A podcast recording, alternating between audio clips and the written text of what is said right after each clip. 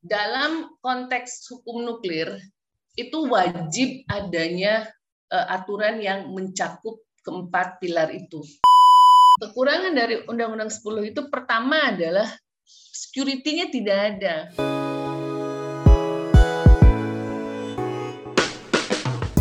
Hai, dari COBC Inisiatif, aku Harun Ardiansyah dan ini adalah season ketiga dari podcast Bicara Nuklir. Di episode ini, kami ngobrol bersama Dr. Intan Sufatna, dosen di Fakultas Hukum Universitas Erlangga yang memiliki research interest di bidang hukum nuklir. Dr. Intan Suparna adalah satu dari sedikit ahli hukum nuklir di Indonesia. Kami membicarakan tentang pilar-pilar yang harus ada dalam hukum yang berkaitan dengan nuklir, posisi nuklir dalam RUU Energi Baru dan Terbarukan, apa yang kurang dari Undang-Undang Nomor 10 Tahun 1997 tentang ketenaga nukliran, dan masih banyak lagi. So, let's check it out. Oke, baik. Terima kasih banget Bu Intan Suparna udah uh, berkenan hadir di podcast Bicara Nuklir. Uh, kita itu di podcast ini selalu memulai uh, podcast kita dengan memperkenalkan backgroundnya bintang tamunya. Jadi boleh diceritain nggak Bu Intan uh, bagaimana sih perjalanannya? Mungkin bisa diceritain perjalanan akademiknya dari Ibu mungkin yang awal-awal uh, mempelajari bidang hukum terus habis itu uh, apa itu namanya kenapa kok tiba-tiba tertarik uh, uh, mungkin tiba-tiba uh, salah satu research interestnya itu adalah uh, hukum hukum nuklir gitu bu. Mungkin. Ya. Yeah. sebenarnya major saya itu adalah hukum perdagangan internasional ya major saya. Dari hukum internasional. Jadi sejak tahun 93 sampai terakhir tahun 2014 PhD uh, apa penelitian saya itu adalah tentang hukum perdagangan internasional. Nah, kebetulan tahun 2013 eh, ketika saya masih sekolah di Belgia, eh, pemerintah meminta UNER untuk mendirikan pusat studi tentang hukum dan regulasi nuklir, apa manajemen dan regulasi nuklir. Nah, baru tahun 2015 eh, kemudian pusat studi regulasi dan manajemen nuklir itu didirikan Asnya hmm. yaitu tadi membantu pemerintah untuk memikirkan bagaimana kita mengatur ketenaga nukliran. Nah, kebetulan memang uh, pusat studi ini sudah membantu Bapeten beberapa kali dalam membuat naskah akademik uh, peraturan undang-undangan tentang ketenaga nukliran. Nah, alasannya kenapa saya suka hukum nuklir pertama memang saya suka uh, bukan istilahnya mempelajari hal-hal yang berbau teknologi itu menarik, lebih challenge ya, lebih mm -hmm. uh, uh, lebih apa istilahnya kekinian ya. Kebetulan kan iya. mahasiswa saya pasti mereka akan uh, pengetahuan teknologi itu akan lebih lebih lebih maju ketimbang dosen-dosennya ya. Sehingga iya. akhirnya um, ya bagaimana kemudian kita bisa mengajarkan uh, sesuatu yang uh, apa istilahnya mengajarkan sesuatu yang uh, futuristik pada mahasiswa. Jadi ketika saya ditawari untuk mengajar hukum nuklir, kenapa tidak? Walaupun memang background pendidikan saya itu uh, uh, hukum internasional dan uh, major saya hukum perdagangan internasional. Walaupun saya pernah mengambil hukum, pernah belajar hukum nuklir, tapi yang publik ya, hukum nuklir tentang uh, non proliferation dan lain sebagainya. Okay. Hmm. Nah, uh, baru tahun 2015 karena saya harus mengetuai pusat studi akhirnya saya otodidak saya belajar ke hmm. berbagai macam yeah. institusi ya dikirim ke beberapa negara untuk uh, training dan lain sebagainya kemudian juga alhamdulillah bisa membantu Bapeten untuk membuat naskah akademi uh, pemutahiran peraturan uh, pemutahiran undang-undang ketenaga nukliran kemudian dan beberapa hmm. peraturan pemerintah tentang tenaga nukliran. Nah, uh, tahun 2019 pusat studi ini melebur ke uh, Airlangga Institute of International eh, Law Study. Jadi okay. tadinya pusat studi itu berdiri sendiri, kemudian melebur menjadi uh, satu dengan uh, research research center yang lain di UNER. Oke, nah, oke. Okay. Nah, itu kemudian yang membuat saya lebih menarik lagi mempelajari hukum nuklir lebih dalam lagi mungkin nanti saya juga akan belajar ke Mas Harun ya itu karena animo mahasiswa akan hukum nuklir itu juga uh, besar sekali. Mm-hmm, uh, sehingga mereka kalau uh, belajar hukum nuklir itu kan mata kuliah advance ya. Yeah. Uh, iya. mereka harus lulus dulu di beberapa mata kuliah. Nah, mm-hmm.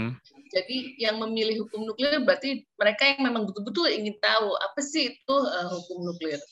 Uh, yang okay. paling menarik itu ketika mata kuliah ini pertama kali diperkenalkan tahun 2016, yang melamar mata kuliah ini malah mahasiswa dari luar negeri. oh, dari okay. Kamboja iya. Dari Kamboja. Mahasiswa internasionalnya dari, UNER ya. Iya, iya. Banyak sekali 24 orang meng, uh, melamar mata kuliah ini. Tapi mahasiswa Indonesia-nya hanya satu dua tiga. Karena pada saat itu tahun 2016 mahasiswa Indonesia itu yang terutama mahasiswa UNER ya berpikir bahwa uh, apa sih untuk apa sih kita belajar uh, hukum nuklir wong kita nggak punya reaktor pertama. Kedua kita juga nggak punya senjata nuklir. Kita ini aman nggak perlulah uh, belajar hukum nuklir gitu. Mm-hmm. ternyata setelah uh, kita belajar kita belajar saya tuh istilahnya belajar bersama dengan mahasiswa uh, akhirnya banyak yang uh, menyadari bahwa pada umumnya segala sesuatu di dunia ini harus ada aturan.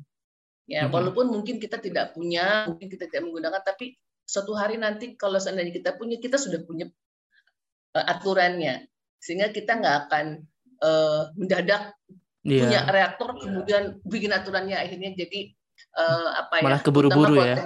Ya, terutama kalau yang namanya teknologi itu uh, hukum yang berkaitan dengan teknologi itu harus sefleksibel mungkin karena teknologi itu kan berkembang. Mm-hmm. Nah, itulah mm-hmm. kemudian yang membuat mahasiswa banyak tertarik untuk belajar hukum nuklir. Uh, dan akhir alhamdulillah sampai hari ini sampai memang itu hanya setahun sekali mata kuliah itu peminatnya cukup banyak juga, terutama memang peminat dari luar negeri ya. Oke, oh, oke. Okay, okay. Yang dari ASEAN ASEAN seperti itu.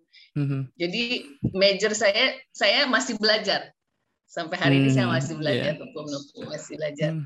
Seperti itu.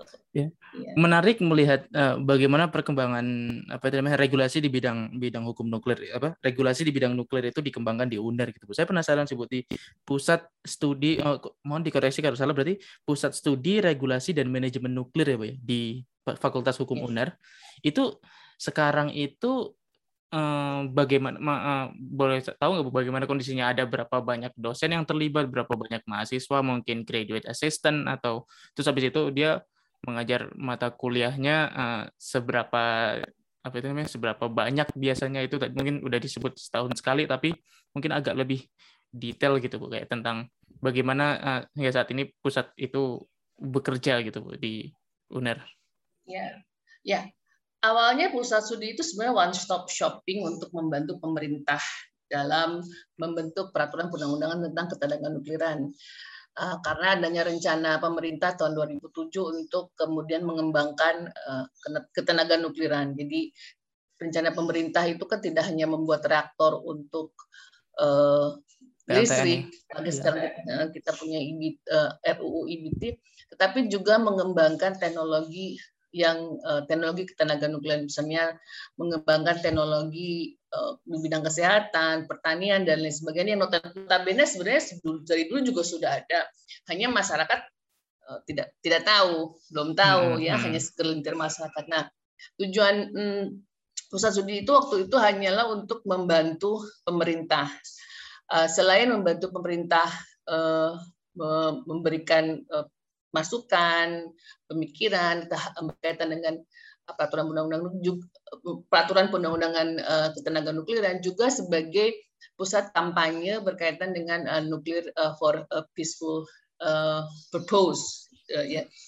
Nah, tujuan kedua itu kan adalah mandat dari IAEA karena kami dibantu oleh IAEA selama ini. Nah, sebenarnya yang awalnya itu yang kita lakukan adalah lebih ke awalnya itu adalah kampanye ke masyarakat kampanye ke masyarakat pada tahun 2015-16 itu yaitu memperkenalkan bahwa nuklir itu bukan sesuatu yang menyeramkan.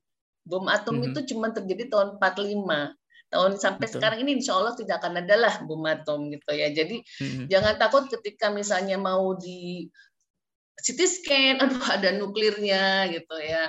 Atau misalnya mau di, mau di ronsen, aduh ada radiasi. Nah, pada saat itu uh, tugas pusat studi kita cuman kampanye ke masyarakat dengan uh, pengabdian masyarakat, memberikan penyuluhan dan lain sebagainya. Sekalian juga hmm.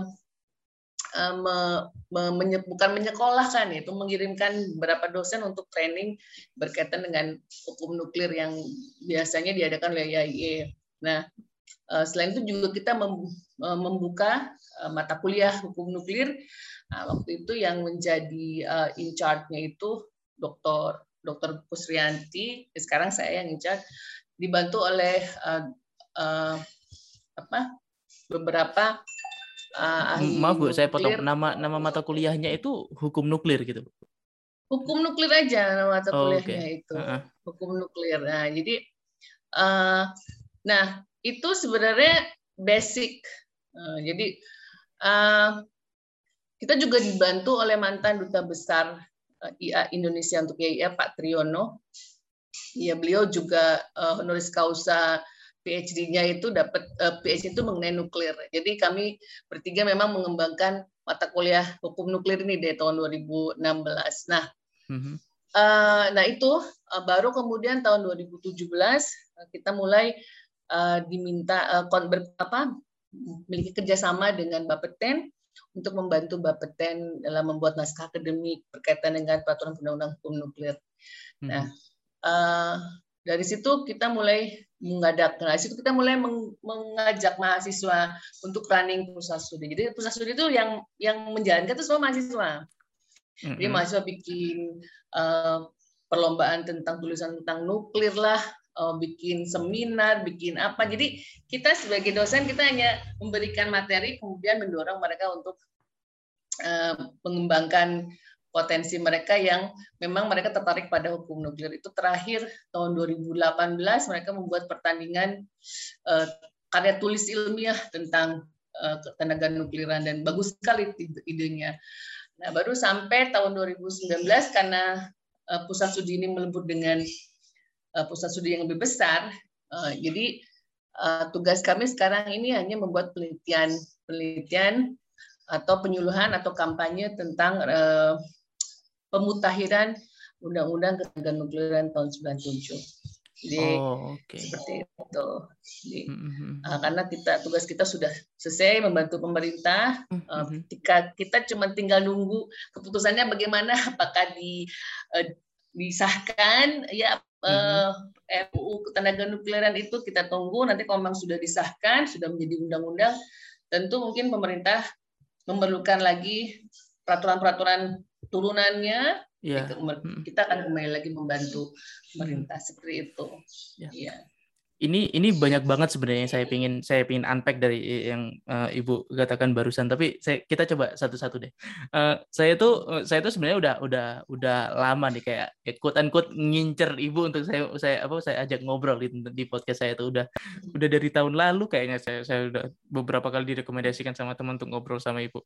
Uh, terus juga baru ada kesempatan untuk kayak ketemu dan apa ya saya jadi penonton doang sih waktu kemarin di webinarnya Apronuki Uh, dan hmm. di situ tuh saya tertarik banget dengan salah satu slide ibu bahwa uh, ibu bilang ada empat pilar nih untuk uh, bagaimana hukum nuklir hukum bidang nuklir itu dibuat. Yang pertama yang yaitu safety, security, safeguard dan liability. Saya sebagai engineer, Bu, saya tahu nih uh, saya paham lah tentang 3S itu kan safety security safeguard. Tapi saya yang liability ini masih baru nih Bu. Mungkin bisa minta tolong di elaborate Bu? Sebenarnya liability yang dimaksud itu seperti apa sih Bu? Ya bang. Baik uh, jadi kalau mengatur nuk, uh, nuklir itu sangat jauh berbeda kalau kita mengatur uh, kegiatan cyber lah istilahnya karena saya kebetulan hmm. juga dosen hukum cyber. Karena apa sensitivitas bendanya. Ya. Oke. Okay. Hmm. Nah, dalam konteks hukum nuklir itu wajib adanya uh, aturan yang mencakup keempat pilar itu. Wajib. Kalau di hmm. dalam hukum lain, contohnya hukum cyber, safety mungkin paling kebakaran gitu ya, pada apa komputernya gitu ya. Mungkin hmm. security. Nah, tapi kalau di nuklir karena benda yang diaturnya itu itu sangat sensitifnya sangat tinggi. Sehingga hmm. keempat pilar itu harus ada dalam setiap aturan, dalam setiap hukum atau undang-undang, kemudian eh, berisi pasal yang sangat kuat dan fleksibel ya eh, untuk mengakomodasi teknologi yang akan datang. Dan terakhir, liability itu justru sangat penting karena berbeda dengan uh, aturan bidang lain. Kenapa? Hmm. Pertama, liability atau uh, aturan mengenai ganti uh, tanggung jawab ya. Ini kan lebih ke tanggung jawab. Tanggung jawab kerugian. kerugian. Ya. Oh ya. Ya, itu harus uh, ada di setiap peraturan di setiap undang-undang tentang ketenagaan ketenaga nuklir. Karena pertama untuk memberikan rasa aman terhadap yang pertama tentu saja masyarakat ya mm-hmm. Si individu kedua yeah. untuk operator dan ketiga untuk pemerintah yang pertama pasti untuk masyarakat yeah. nah kemudian eh, yang paling menarik dengan uh, nuclear liability ini konsep yang diterapkan atau prinsip yang diterapkan itu strict liability Mm-hmm. Saya kasih beritahu uh, prinsip liability itu ada dua. Prinsip liability itu ada dua. Satu uh, liability based on fault. Uh, berarti kalau anda kalau anda dirugikan oleh satu institusi maka anda harus mengajukan klaim, mengajukan okay. kalau misalnya klaim ditolak gugatan dan harus menunjukkan mm-hmm. bahwa memang institusi itu melakukan uh, kesalahan atau melakukan kegiatan yang merugikan. Itu based mm-hmm. on fault. Mhm. Nah, tetapi hukum nuklir itu sudah disetujui tahun 63 oleh semua negara bahwa prinsipnya harus strict liability. Jadi begitu ada katakanlah accident, begitu mm -hmm. ada accident nuklir dan ada yang menderita, maka tanpa perlu adanya klaim, gugatan. tanpa perlu adanya gugatan kalau sana klaim ditolak, maka uh, operator atau pemerintah yang penting yang menyelenggarakan uh, uh, mengoperasikan kegiatan nuklir atau instalasi nuklir tersebut harus memberikan ganti rugi di mana ganti ruginya sudah ditentukan oleh hukum internasional tenaga nukliran itu selama 30 tahun. Oh, oke. Okay. Jadi hmm, ja, hmm. jarak jadi begini, karena begini Mas. Hari ini saya kena radiasi, ya. Hmm.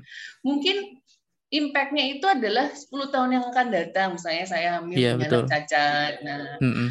nah hal ini tidak ada di eh, benda-benda yang lain maksudnya ya. Iya yeah, betul. Tidak ini unik di, buat nuklir drone ya. Unik sekali ya. Sehingga hmm. akhirnya nuclear liability itu selain dia harus strict liability, uh, kedua jangka waktu uh, penggantian kerugian itu maks minimal atau maksimal itu 30 tahun dengan mhm. jumlah uh, ganti rugi itu tergantung dari uh, pemerintah yang membuat undang-undang. Tergantung dari pemerintahnya oh, kan okay. ada hmm. negara-negara itu beda-beda. Uh, hanya memang uh, secara prinsipal itu harus regulability dan memiliki jangka panjang. Okay. Ya. Mm-hmm. Seperti itu. Mm. Dan berarti bentuk dari liability ini yang perlu ditelurkan oleh pemerintah atau atau uh, instalasi yang memiliki fasilitas nuklir itu berarti bentuknya itu ekon apa kerugian dalam ganti rugi dalam arti ekonomi berarti ya Bu ya. Atau ada bentuk yeah. lain apakah mereka juga perlu menyiapkan segala jenis uh, siap kesiapsiagaan kah atau kayak gimana sih kalau misalnya di nah. kita turunkan yang lebih konkret itu bentuknya apa aja biasanya? Ya. Kalau kita merujuk pada Undang-Undang 10 tahun 97, Undang-Undang Ketenaga Nukliran ya pasal eh, saya lupa lagi 30 atau 40 itu pemidanaan. Itu memang ada aturan tentang eh, nuclear liability. Nah, mhm. pada eh, pada undang-undang itu menyatakan bahwa setiap kerugian eh, yang diakibatkan oleh eh, nuklir ya hmm. baik itu aksiden baik itu natural disaster baik itu human error harus diberi harus diberikan ganti rugi kepada uh, penderita ya maksudnya penderita itu ya apakah orang sekitarnya ya ya pokoknya yang terkena dampak langsung yang gitu ya terkena dampak langsung gitu nah hmm. Uh, jumlah kerugian yang diatur di dalam undang-undang itu sebenarnya waktu itu karena tahun 97 itu masih sekitar uh, 900 juta saya lupa lagi. Tetapi kemudian tahun 2015 itu ada peraturan pemerintah yang mm -hmm. mengatur bahwa uh, peraturan pemerintah yang mengatur bahwa uh, kerugian nuklir harus diganti sebanyak 4 miliar per kejadian. Nah, mm-hmm. 4 miliar per kejadian itu berarti karena ini konteksnya biasanya kalau yang namanya nuklir itu kan nggak per orang ya, mm-hmm. satu masyarakat. Nah ini uh, uh, aplikasinya memang belum pernah kita lakukan karena insya Allah tidak akan terjadi ya. Yeah. Tapi mm-hmm. memang ini dipersiapkan. Hanya memang dipersiapkannya oleh peraturan pemerintah. Kalau oh, kita harus sekuat undang-undang ya. Iya, tidak sekuat undang-undang.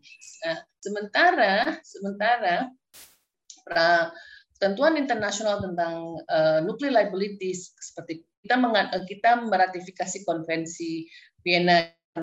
Jadi ada dua ya, international uh, nuclear uh, liability itu ada dua sumbernya dari OECD ya Brussels Convention, okay. kemudian dari IAEA Vienna Convention mm -hmm. yang kita ratifikasi.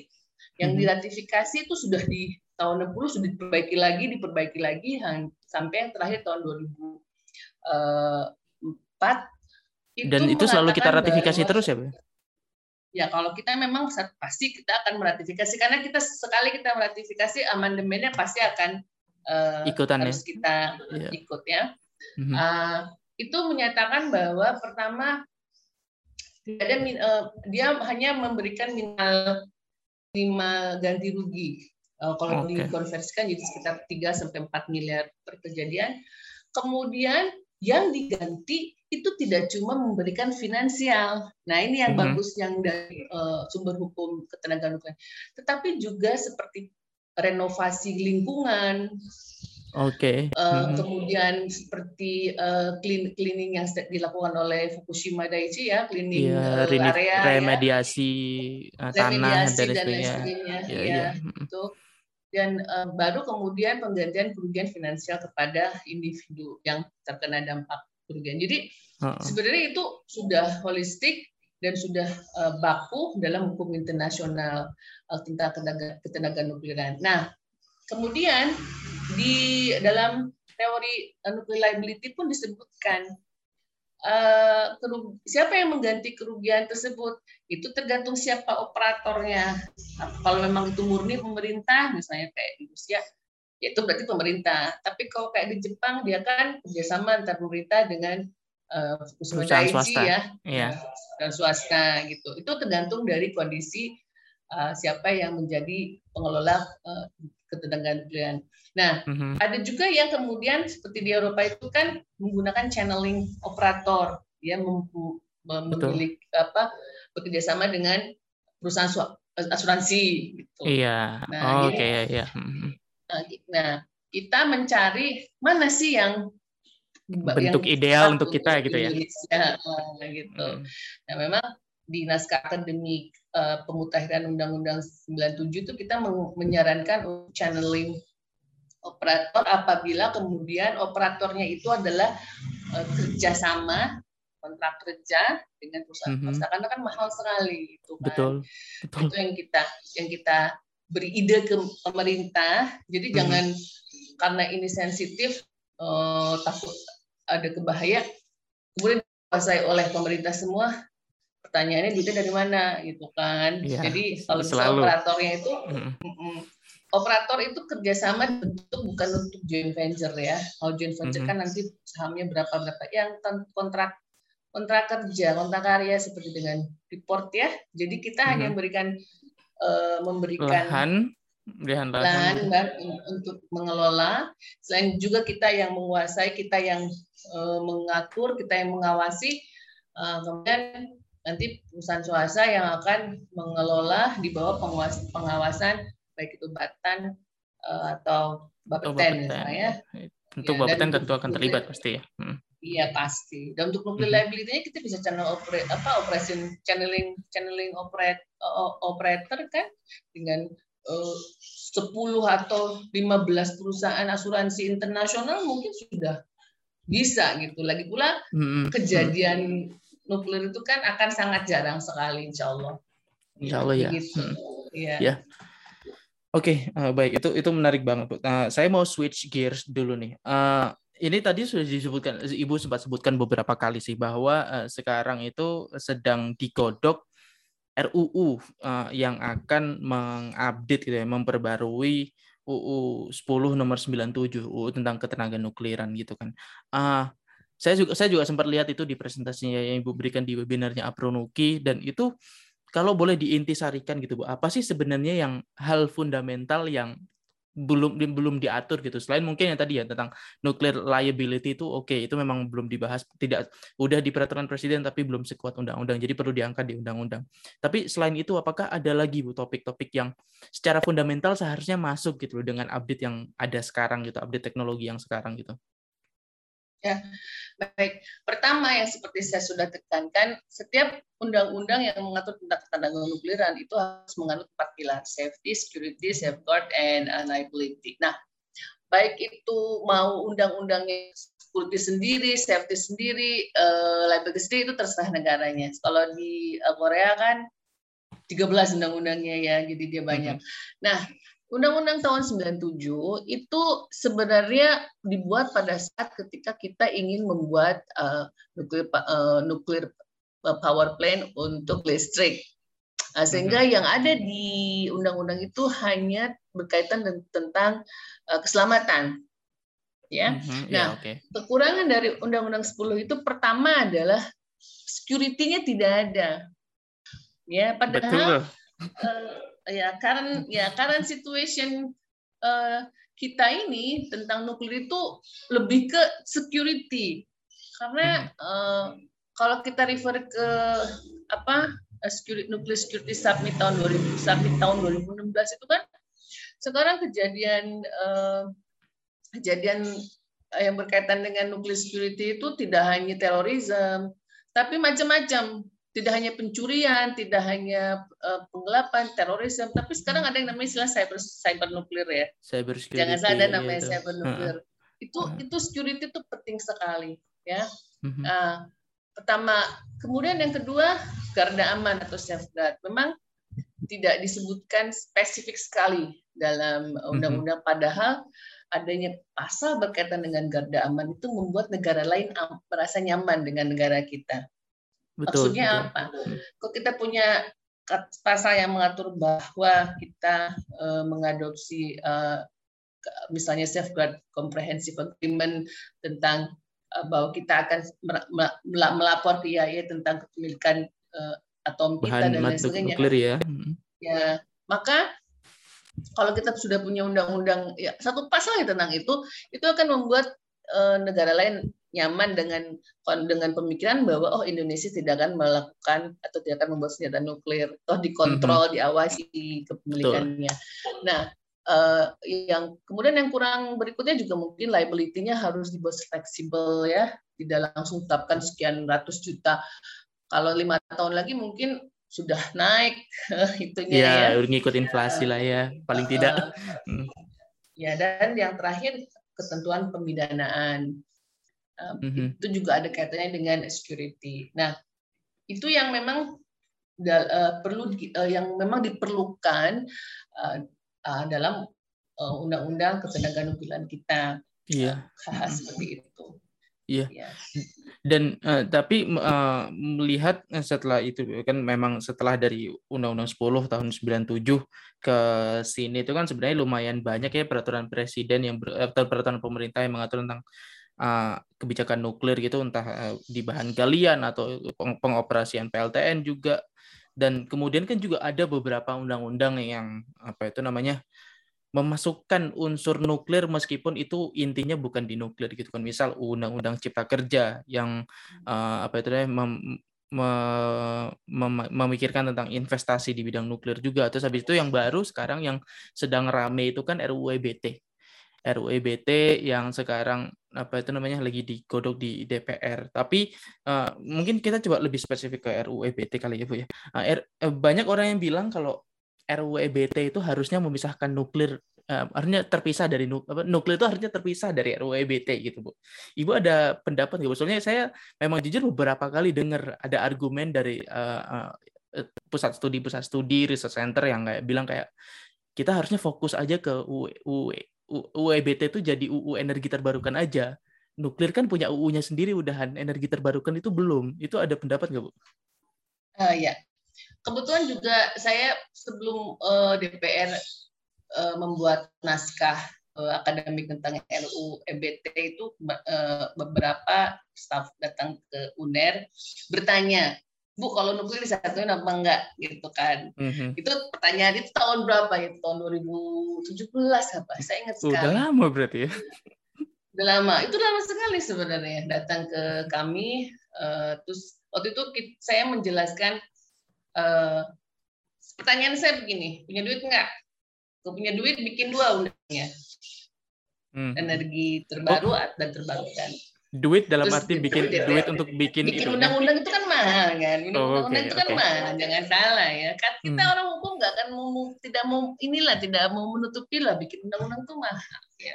Bayar hmm bayar akademik yang untuk bikin naskah akademiknya juga mahal ya. Nah, saya hmm. tanya, hmm. DPR punya dana nggak untuk membuat dua undang-undang, undang-undang energi terbarukan atau undang-undang uh, energi baru karena karena mandat dari uh, apa NIP-nya National Energy uh, Dewan NIP-nya Dewan Nasional Energi ini juga kan sebenarnya mandatnya uh, kita harus mengatur uh, energi yang ada yang kita miliki. Yang kita mhm. miliki itu energinya mbak energi terbarukan ya seperti angin dan lain sebagainya dan yang energi baru dalam konteks sudah ada tapi belum dipakai.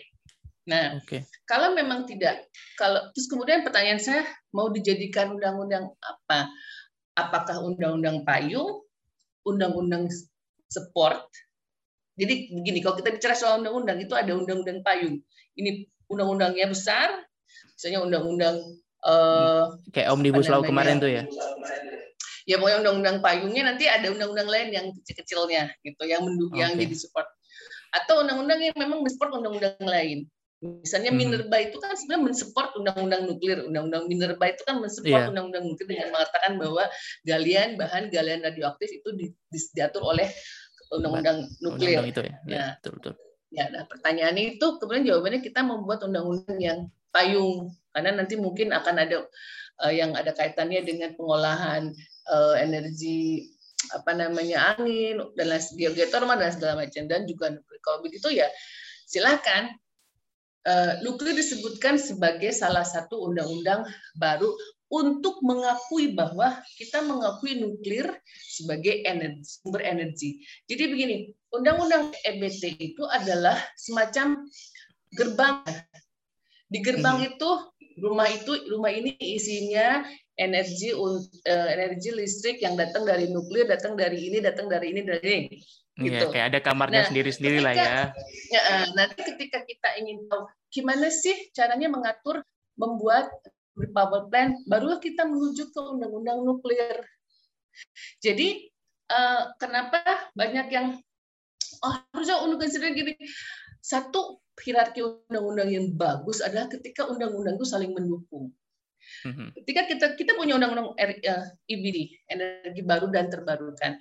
Di situ menyebutkan kalau masyarakat kita punya energi, energinya baru dan terbarukan. Ini undang-undangnya. Uh, uh, uh, nuklir adalah salah satu energi baru.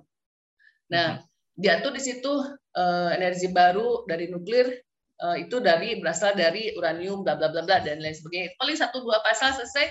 Nanti tekniknya empat pilarnya baru kita melihat undang-undang nuklir. Mm-hmm. Di REDT hanya menyebutkan bahwa kita mengakui bahwa nuklir itu adalah uh, sumber energi yang akan kita gunakan. Jadi Makanya kalau hanya mungkin sekitar empat lima pasal gitu ya di sana ya. Ya, ya jadi jangan teknik teknisnya. Kenapa? Mm-hmm. Kalau menurut saya setuju seperti itu. Pertama, kekuatan hukumnya akan lebih kuat ketika ketika kemudian undang-undang nuklir katakanlah di uh, apa itu namanya Uh, bukan digugat apa namanya lupa lagi itu urusan orang KTN ya. Misalnya ada kesalahan dalam dalam undang-undang nuklir kemudian masyarakat tidak setuju dengan ini dan kita punya channel channel channeling yang kuat. Oh, nuklir itu misalnya misalnya misalnya contohnya kita punya undang-undang nuklir, terus kita buat NPT, eh sorry buat NPP, terus masyarakat wah demo nggak mau gini gitu, nuklir bahaya gitu. Ingat keberadaan nuklir sebagai energi sudah diakui oleh undang-undang yang menjadi eh, menjadi uh, payung payungnya itu tadi. Berarti, uh, berarti masyarakat sudah setuju bahwa nuklir itu adalah bagian dari energi. Lah kok mm -hmm. ketika kita buat NPP uh, ada yang setuju. Nah, yeah. untuk teknisnya baru kita buat undang-undang khusus tentang nuklir teknis yang empat pilar itu. Jadi sebenarnya saya pikir tidak masalah kita punya undang-undang uh, uh, IBT, toh di situ juga hanya menyebutkan bahwa nuklir adalah bagian dari energi yang akan kita gunakan dan itu disebut energi baru. Hmm. Soal teknisnya mau liability-nya seperti apa, keselamatannya harus seperti apa ya kita baru membuka ke undang-undang nuklir. Undang-undang nuklir itu, atau Mas. bikin peraturan pemerintah yang turunannya gitu ya? Ya turunannya pemerintah misalnya pasal katakanlah contohnya pasal uh, itu pasal 4 Undang-Undang tahun 10 tentang keselamatan bahwa nuklir itu harus dilaku, di apa dioperasikan di dan untuk mengaruh keselamatan ya Baru kita lihat peraturan pemerintah nomor 12 uh, eh, tahun 2012. Oh, keselamatan itu berarti uh, pertama harus ada izin peraturan hmm. pemerintah turunannya kan itu yeah, harus ada yeah. izin mau diinspeksi sama Bapeten dan dan itu kemudian nanti ada bawahnya lagi turunannya dari PP 2012 itu adalah peraturan Bapeten baru ada ketentuan batan tentang kalau menggunakan nuklir sekian sekian harus nah itu yeah. namanya adalah holistik gitu. Betul. Mm-hmm. Iya. Nah, jadi uh. iya. itu. Iya, menarik Bu uh, tentang Uh, saya saya ingin follow up tentang yang EBT tadi sih. Uh, tadi ibu mengatakan hmm. bahwa oh, oke okay, sebenarnya nggak masalah menyebutkan nuklir dan justru bagus karena akhirnya kita bisa mengakui gitu bahwa nuklir akan udah akan menjadi bagian dari bauran energi kita gitu kan. Tapi uh, pertanyaannya gini bu, uh, sa uh, saya obviously pingin Indonesia segera bikin PLTN uh, eh, yang komersial gitu kan. Dan uh, salah satu yang menjadi penghambatnya uh, kita itu membangun PLTN dari yang saya pelajari itu adalah posisi nasional. Posisi nasional dalam arti kayak Indonesia itu tak nggak dibilangnya tidak kunjung go nuklir gitu istilahnya go nuklir gitu kan. Tapi di di sisi lain saya itu juga bingung gitu loh. Sebenarnya apa konkretnya go nuklir itu apa gitu loh. Apakah cukup dengan pernyataan presiden bilang kayak di satu forum konferensi pers bilang kayak ayo Indonesia kita go nuklir apakah cukup itu? Meskipun saya ragu masa kayak konferensi pers doang mah ya ya ya bisa berubah gitu loh. Itu kan itu kan bukan menjadi satu peraturan yang mengikat gitu. Berarti uh, ibu ada pandangan nggak tentang go nuklir ini sebenarnya konkretnya itu seperti apa sih bu? Apakah dengan mengikutkan nu, apa nuklir di EBT itu cukup atau perlu yang lebih detail lagi atau seperti apa bu? Uh, saya pernah punya pengalaman uh, ngobrol dengan uh, Pak Jonas dulu itu beliau menteri ya apa energi ya energi energi Pak dan Jonan. Ignatius Jonan. Pak Jonan sorry Pak Jonan ya sorry Pak yeah. Jonan uh, beliau kebetulan uh, ketemu saya di acara di karena beliau alumni UNER ketemu di acara yang alumni saya santai-santai gitu saya tanya Pak mau gimana Pak nuklir mau dipakai energi nggak Pak Jonan bilang aduh si du, duitnya dulu cari cari duitnya dulu. Karena mhm. tidak murah gitu. Pada intinya tidak murah. Nah tapi juga memang kita sudah eh, berarti setuju itu berarti maksudnya Pak Jonan itu seperti gini eh, kita ingin mempunyai satu eh, apa istilahnya kalau kayak dalam konteks dalam konteks ada bagan Eh, kita punya uh, koal, kita punya batu bara, kita punya fosil, kita punya geothermal, kita punya kita, kita punya nuklir gitu. Nah, mm -hmm. pemerintah uh, dalam hal ini saya lihat memang belum ada kepastian kita mau pakai yang mana. Nah, ketika saya ke Bappenas, pertanyaan saya waktu itu penelitian di sana, pertanyaannya apakah negara mau memiliki rencana untuk membuat nuklir? Iya, tapi sepertinya departemen-departemen itu lebih ke mendahulukan dulu yang lain, baru nuklir itu adalah last resort gitu. Itu, nah, itu kan berarti salah satu di 2014 kan ya, salah satu PP di 2014 kan juga bilang yeah. nuklir adalah opsi terakhir itu kan ya. Ya, opsi terakhir itu juga Pak hmm. juga bilang seperti itu. Uh, nuklir itu kemungkinan akan menjadi opsi terakhir waktu itu. Nah, nah uh, kalau mau dibilang apakah dengan konferensi persnya presiden itu kemudian menjadikan kekuatan hukum ya saya orang hukum saya mengatakan tidak ya. Iya. Kalau bilang go nuklir, go nuklir maksudnya di sini adalah presiden melakukan kampanye kepada masyarakat bahwa don't be afraid if we have a nuclear atau jangan jangan takut apabila kita punya PLTN uh, menggunakan uh, nuklir pada masa yang akan datang. Ya. Mm-hmm. Itu adalah satu kampanye sebenarnya. Termasuk mm-hmm. saya juga mengajar hukum nuklir itu kan sebenarnya sedang kampanye atau sedang yeah. mempersiapkan lawyer-lawyer yang mengerti tentang nuklir. Nah, mm-hmm. uh, berarti konteksnya di sini adalah secara sosial kita sudah menyiapkan moral, uh, kan psikologis kita sudah disiapkan untuk mm-hmm. bisa menerima suatu saat nanti ada uh, PLTN. Nah, secara hukumnya kita pun lagi mempersiapkan. Kalau saya lihat pemerintah, saya sendiri tidak tahu, tapi saya nggak mau suuzon sama pemerintah, jadi saya positive thinking aja sama pemerintah. Mm-hmm. Pemerintah punya RUU EBT. Uh, uh, pemikiran saya adalah pemerintah ingin menekankan, memastikan bahwa kita punya nuklir sebagai energi satu energi. Kemudian, nah, sedang menggodok uh, RUU uh, nuklir. Nah, saya tidak tahu kenapa sampai saat ini belum disahkan, tetapi yang pasti sudah ada usaha dari pemerintah untuk memutahirkan uh, apa UU 10 ya 97 iya undang-undang 10 97 nah mm -hmm. uh, kenapa yang diutamakan itu adalah peraturannya dulu? Karena ini yang sensitivitasnya tinggi. Jangan mm -hmm. sampai dibikin undangnya nggak ada. Nah kemudian uh, dari perspektif ekonominya pun sedang dilakukan MOU MOU seperti kemarin MOU dengan Torkon karena kita punya banyak torium ya, ya untuk betul. bikin semua apa BWN apa reaktor, ya. hmm. terus kemudian sudah melakukan uh, apa apa namanya yang uh, pemetaan untuk tapak-tapak instalasi seperti di dan lain sebagainya. Itu kan sisi perspektif ekonominya.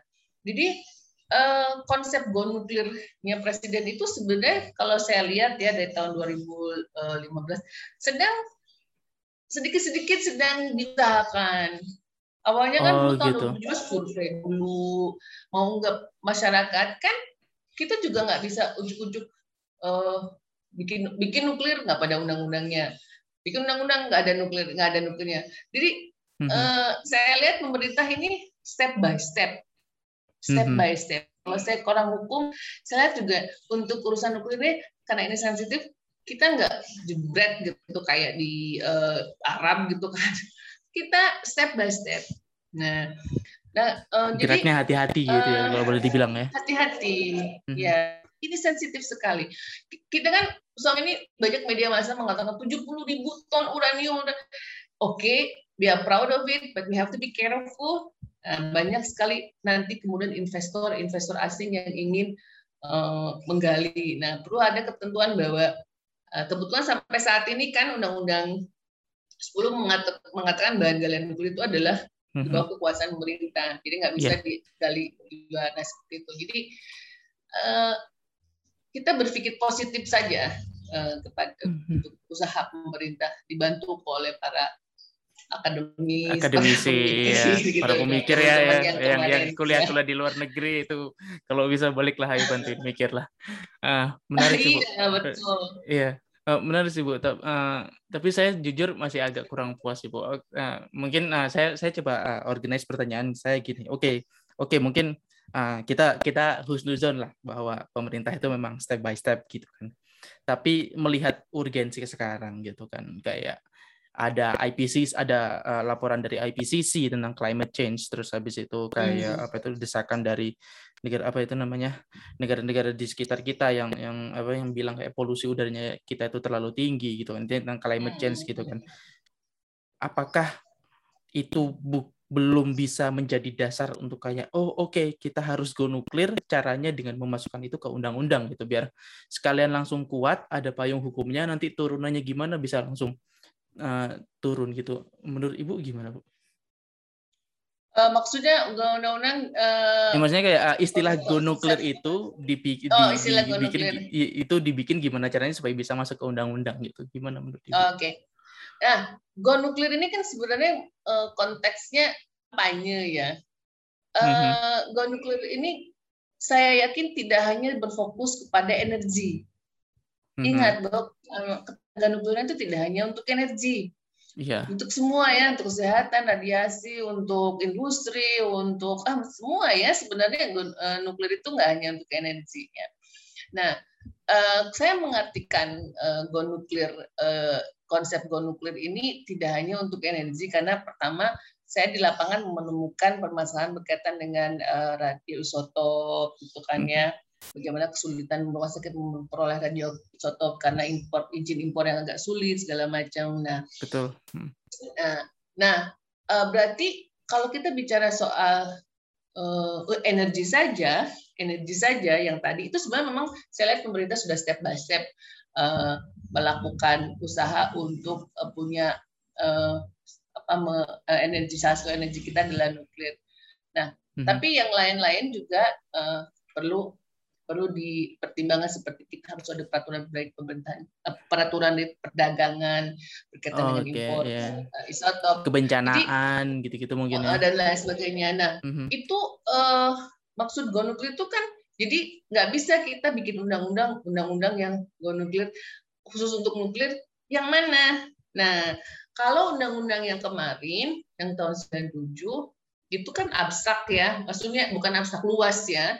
Pokoknya hmm pengusaha pengusahaan eh, pengusahaan nuklir berarti semua baik itu uh, pengusahaan energi atau non energi gitu ya. energi atau di luar energi ya mm-hmm.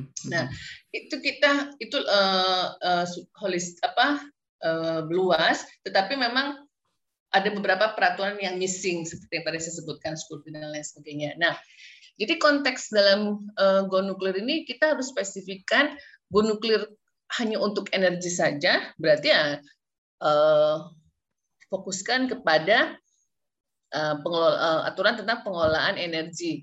Kita punya mm-hmm. undang-undang IBT yang jadi payungnya, nanti mungkin undang-undang nuklir sebagai pendukung dari IBT-nya atau undang-undang yang lain yang mendukung mm-hmm. energi lain. Nah, yeah. uh, atau mungkin uh, uh, yang berkaitan dengan misalnya Eh, perdagangan radioisotop, import licensing radioisotop yang mengaturkan itu Kemendag. Nah, apakah yeah. Kemendag membuat yeah. aturan baru tentang ini? Mm-hmm. Jadi mm-hmm. tidak bisa uh, kalau bilang go nuklir, undang-undang go nuklir, gitu undang-undang kita harus go nuklir. Uh, yang mana gitu. Jadi saya harus pikir sekarang ya. Ya, sekarang pemerintah sudah melakukan untuk go nuklir untuk energi, ya sedang berusaha mengel, apa, mengol, meng, menggodok RUU MBT, menggodok RUU ketenaga nukliran. Nanti mungkin ada peraturan pemerintah. Insya Allah kemarin saya membantu Bapeten untuk membuat PP tentang bahan galian, eh, keselamatan bahan galian radioaktif.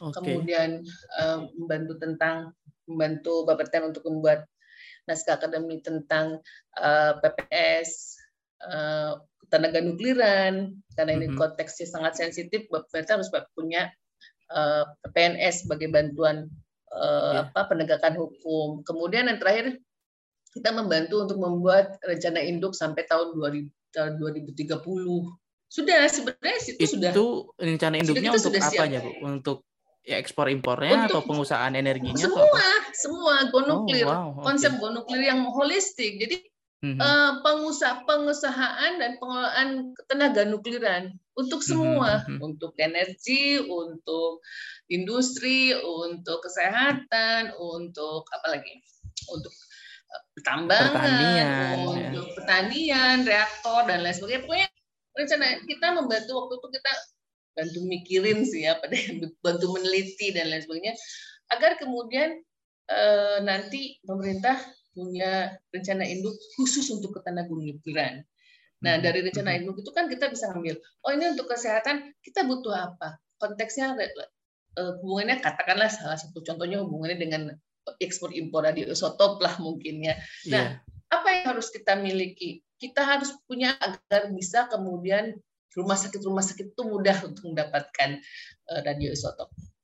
Nah, misalnya uh, harus ada peraturan pemerintah dari dari atau peraturan Kementerian Kesehatan kaitan dengan ini yang didukung oleh Kementerian Perdagangan. Kan hmm. itu sensitif nggak? Bisa nggak nggak nggak seperti uh, ekspor udang ya cuma tinggal iya nggak bisa ya kayak bahan makanan lah ya ini ya, ya bahan nggak nggak seperti itu. Bagaimana? Seperti apa? Nah, itu sudah sebenarnya sudah di, di, di kita sudah membantu pemerintah, kita sudah membantu pemerintah untuk untuk memikirkan uh, mencarikan ide rencana induk sehingga nanti uh, nah ini kembali lagi ya tergantung pada pembuat kebijakan mm-hmm, ya yeah. kita akademisi uh, ya. mah cuman bisa ngasih saran doang ya Bu ya ngasih saran mikirin gitu ya yeah. bagusannya seperti ini kita mm-hmm. kita studi banding dengan negara lain dan lain sebagainya jadi yeah, yeah. kembali lagi konsep gunung nuklir itu tidak hanya bisa difokuskan pada satu area ketenaga nukliran saja karena nuklir mm -hmm. luas sekali dan peruntukannya banyak sekali maka konsep go nuklir itu nggak bisa dibuat satu aturan gitu tidak tapi dia mm -hmm. akan ada di banyak di banyak aturan gitu. oke okay. Ya, baik. Ya. ya mungkin ya mungkin ini eh, terakhir Bu pertanyaan dari uh, dari saya di podcast ini. Ini kan tadi uh, Ibu sempat nyebut uh, uh, salah satu tujuan dari adanya pusat studi regulasi dan manajemen nuklir di UNER itu kan untuk melakukan kampanye tentang nuklir Bu. Nah, ini saya mau minta perspektif Bu. Saya saya ini kan engineer ya, akademisi engineer gitu kan. Saya cuma bisa ngeliat kayak bidang teknisnya doang gitu loh. Jadi kayak ketika saya ngebantuin kampanye ke masyarakat itu kan yang saya pikirin kan cuman teknis teknis teknis doang gitu. Saya nggak nggak saya jarang mikir tentang aspek sosial atau mungkin aspek eh, yang yang pokoknya yang bukan engineeringnya gitu. Dari dari dari pengalaman ibu mungkin bisa nggak diceritain kayak apa sih yang sebenarnya jadi concern masyarakat yang uh, utamanya peneliti-peneliti nuklir itu perlu aware dan perlu kampanye dikampanyekan lebih sering gitu Ya, um, Pertama mungkin ini pengalaman saya ya. Hmm. Uh, tahun 2015 ketika kita langteng mas terjun ke masyarakat yang sedang apa lagi tapaknya itu ya untuk itu mereka tuh pikiran kita pikiran mereka itu aduh kalau kita punya instalasi nuklir di situ udara tercemar gitu kan wah radiasi oh, gitu nah mm-hmm. uh, yang pertama kali kita uh, beritahukan pada masyarakat adalah apa sih tuh namanya radioaktif Nah, hmm. gitu. Kita itu di, di sehari-hari ini kita sebenarnya hidup dengan zat radioaktif. Matahari aja ada radiasinya kan ya, komputer yeah. aja segala macam. Hmm. Nah, nah uh, dari situ kita memberikan pengertian uh, bahwa uh, ada ketentuan teknis yang nanti kemudian dikuatkan oleh ketentuan dari pemerintah, misalnya ketentuan dari kepala batan, bahwa jarak instalasi ke masyarakat itu tidak akan eh, apabila ada radiasi itu masih aman. Saya, hmm. nah, di situ orang teknik yang akan cerita, uh, yeah. saya bawa dari uh, eh, IAEA. Nah, jadi menurut saya kalau memang uh, sebenarnya yang namanya orang hukum, orang sosial, dan orang teknik itu dalam konteks uh, kampanye nuklir itu harus bekerja sama karena kayak saya ditanya Bu berarti kalau bikin uh, cerobong untuk reaktor itu berapa ketebalannya? Mana saya tahu, mana saya kan itu yeah. urusan orang teknik. Tapi kemudian ketika orang ketika orang teknik kampanye, misalnya kampanye katakanlah kampanye NPP ya untuk power plant, uh, bisa menjelaskan secara sederhana. Contohnya waktu itu Mbak Peten kampanye ke saya yang menjelaskan saya itu sederhana banget gitu menunjuk pertama yang diutamakan adalah eh, safety, safety karena safety, kekhawatiran yeah. masyarakat ya. Ada ketika saya nanti saya kalau ada power plant di rumah saya di rumah saya kayak zaman sutet itu kan sutet itu kan membahayakan gitu. Yeah. Tapi iya. saya nggak bisa nafas. Nah, itulah yang kemudian dididik oleh engineering engineering menunjukkan bahwa uh, sudah ada perhitungannya bahwa kalau memang ada NP, ada reaktor di tengah masyarakat, maka kalau seandainya terjadi katakanlah kebocoran uh, masih mm -hmm. di dalam zona aman. aman nah, itu ya, yang harus di ya harus dikampanyekan oleh uh, engineering. Seperti saya mengkampanyekan tentang radioaktif itu dengan dokter radiologi. Iya. Uh, karena mm -hmm. Karena saya nggak tahu konteksnya bagaimana sih kalau memang kena zat radioaktif kalau kita di uh, rumah sakit nuklir. Nah, saya hanya menceritakan tentang peraturan perundangan eh sorry peraturan Menteri Kesehatan tentang radiologi mm -hmm. uh, bahwa setiap uh, apa pusat kesehatan itu harus memiliki istilahnya kayak CT scan untuk mempermudah uh, uh, pasien. Uh, dokter lah yang akan menjelaskan keselamatan menggunakan itu atau engineeringnya. Jadi sebenarnya memang untuk namanya kampanye keselamat kampanye nuklir itu lebih pertama harus keselamatan dulu. Uh, jadi engineering mungkin lebih lebih tahu uh, kalau reaktor yang kan ada dua tuh reaktor itu yang apa? Uh, saya lupa lagi pernah saya diajarin yang uh, BWR apa apa gitu ya. Oh iya, BWR dan PWR ya, iya. Nah, mm-hmm. Yang lebih safety yang mana, yeah. kemudian diletakkannya seperti apa gitu kan. Mm-hmm. Nah, itu justru malah lebih kalau memang yang menjelaskan uh, adalah engineer ke masyarakat berkaitan dengan safety, itu maka saya yakin masyarakat malah lebih uh, merasa secure ya. Yeah. Paham dan tahu, apresiatif oh, ya ya dan itu yang ini kan yang bikin uh, pasti dia lebih tahu kalau safety. Jadi mungkin untuk tahap awal uh, tahap awal kampanye kalau saya kan kampanye pemutakhiran undang-undang ketenaga nukliran ya karena seorang hukum. Ya, mungkin yeah. untuk engineer-engineer kampanye tentang safety mm -hmm. uh, untuk level masyarakat menengah okay. masyarakat masyarakat untuk mungkin security untuk level kayak mahasiswa ke mahasiswa yang mahasiswa yang kritis-kritis gitu ya mm-hmm. uh, tentang security dan terakhir mungkin liability untuk para perusahaan iya gitu pejabat kan, lah ya, pejabat hmm. gitu kayak gitu. ya seperti itu ya. mas menurut saya ya Oke, baik. Uh, terima kasih banget Bu Intan atas uh, kesempatan ngobrolnya. Uh, ini hmm. apa itu namanya sangat insightful banget. Terima kasih yeah. Bu Intan dan untuk yang mendengarkan sampai jumpa di episode selanjutnya. Bye bye.